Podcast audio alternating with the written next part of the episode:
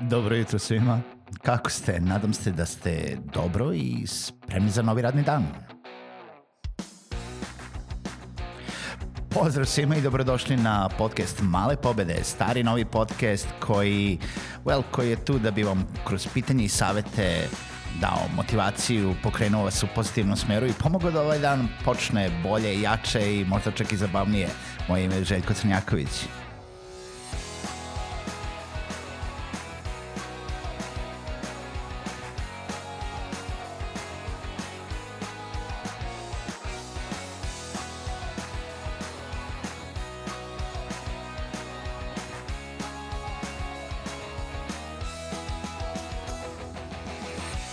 Pozdrav svima, dobro jutro i dobrodošli u još jednu epizodu podcasta Male pobede. Pa, kraj nedelje, ove cijele nedelje smo se bavili sadržajem, pa da nekako završimo i u tom stilu i da, e, možda ću se ponavljati, ali želeo bi da objedinim a, temu i da odgovorim ko sve treba da kreira sadržaj. Pa ajde prvo da razmislimo ko sve od vas treba da kreira sadržaj, ko sve e, ima dozvolu da kreira sadržaj i zašto bi to trebalo da radi. Mislim, Pričali smo o tome zašto kreirati sadržaj, kako se opredeliti na sadržaj, koji sadržaj, koji su kriterijumi za uspeh i sve ono što treba kada razmišljate uopšte da li da krenete u, u kreiranje sadržaja. Ali e, mnogo ljudi dođe i samo sebi postavi pitanje zašto baš ja treba da kreiram sadržaj, e, da li sam ja uopšte relevantan, e, ko bi mene slušao i itd. itd.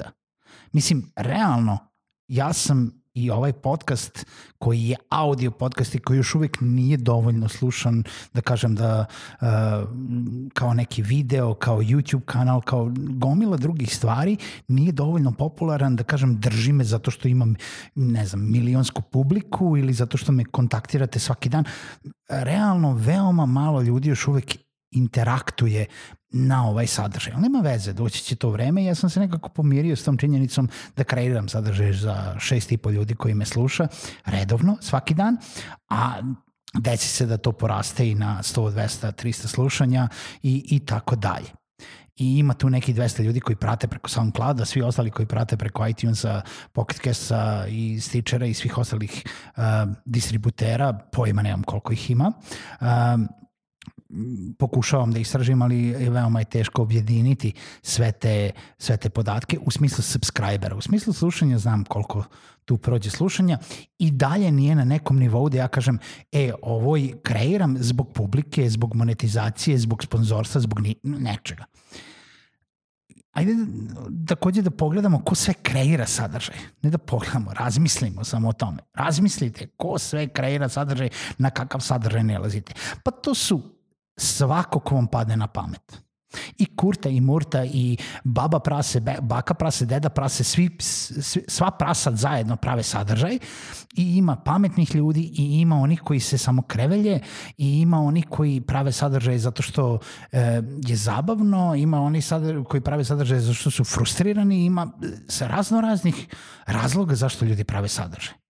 E sad kad pogledamo ko sve pravi sadržaj, zašto vi ne bi pravile sadržaj? Zašto vi mislite da ste bolji, gori, lošiji, uh, um, pametniji, iskusniji, neisku, neiskusni u tom nekom smislu. Sadržaj treba da pravi svako ko ima neko, nešto da kaže.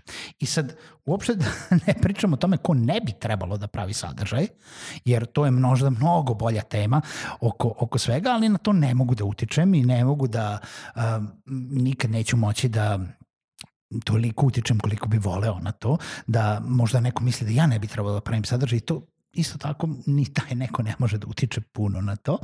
Um, onda bolje se okreniti i zapitajte zašto da ne pravite sadržaj. E sad, ja znam da većina vas koji sluša i pogotovo vi koji me slušate sad baš ovu epizodu, ako ste izabrali da pratite ovu vrstu sadržaja, ovu tematiku sadržaja, da ste pripadate inteligentnoj grupi, preduzetničkoj grupi, grupi koja želi da napravi promenu u životu, koja želi da pokrene sebe na bolje, koja želi da se edukuje, koja želi da deli svoje znanje, koja želi da re, realno radi nešto u pozitivnom smeru. Želi da radi nešto u pozitivnom smeru, oni koji ne žele da radi nešto u pozitivnom smeru, realno ovo nije mesto za vas i ovaj sadržaj nije za vas. E sad, ako već pripadate toj grupi ljudi, samo se osvrnite na to da li imate želju i volju da pričate o nečemu što vas zanima. Pričali smo to već u, u prošlim epizodama. Znači, da li imate neku temu oko koje se ložite, oko koje bi mogli pričati u srednoći, oko kojeg bi mogli pričati na kafi sa prijateljima i ovo nanovo, iznova, iznova, iznova i uvijek doprinositi nešto u tom smislu. Ako ništa drugo, da li želite samo da, jel da širite pozitivnost kroz to nešto? Jer ako želite da, ako to imate, I ako želite da poštujete vašu publiku i da kreirate nešto što mislite da će koristiti nekome, možda neće koristiti svima, možda neće koristiti svaka epizoda svakome, ali imaće neki pozitivan uticaj, onda da, zašto ne biste kreirali sadržaj? Nebitno da li to radite za brand, za posao, za biznis, za bilo šta vezano u, u tom nekom poslovnom smislu ili radite iz ličnog brandinga zato što želite sebe da, uh, jel, da istaknete na neki način ili želite jednostavno da izbacite to iz sebe i napravite od celog vašeg sadržaja jedan mali hobi. Ako ništa drugo, isto kod uzmete da pišete priče i memoare ili blog, mislim, jel da i pisani sadržaj, jedna vrsta sadržaja, pa ako vam ne ide audio, video, da, zašto ne biste htjeli da pišete? Pisanje sadržaja vam može pomoći pa da ga niko ne sluša, gleda ili čita. Može vama lično pomoći. Kako?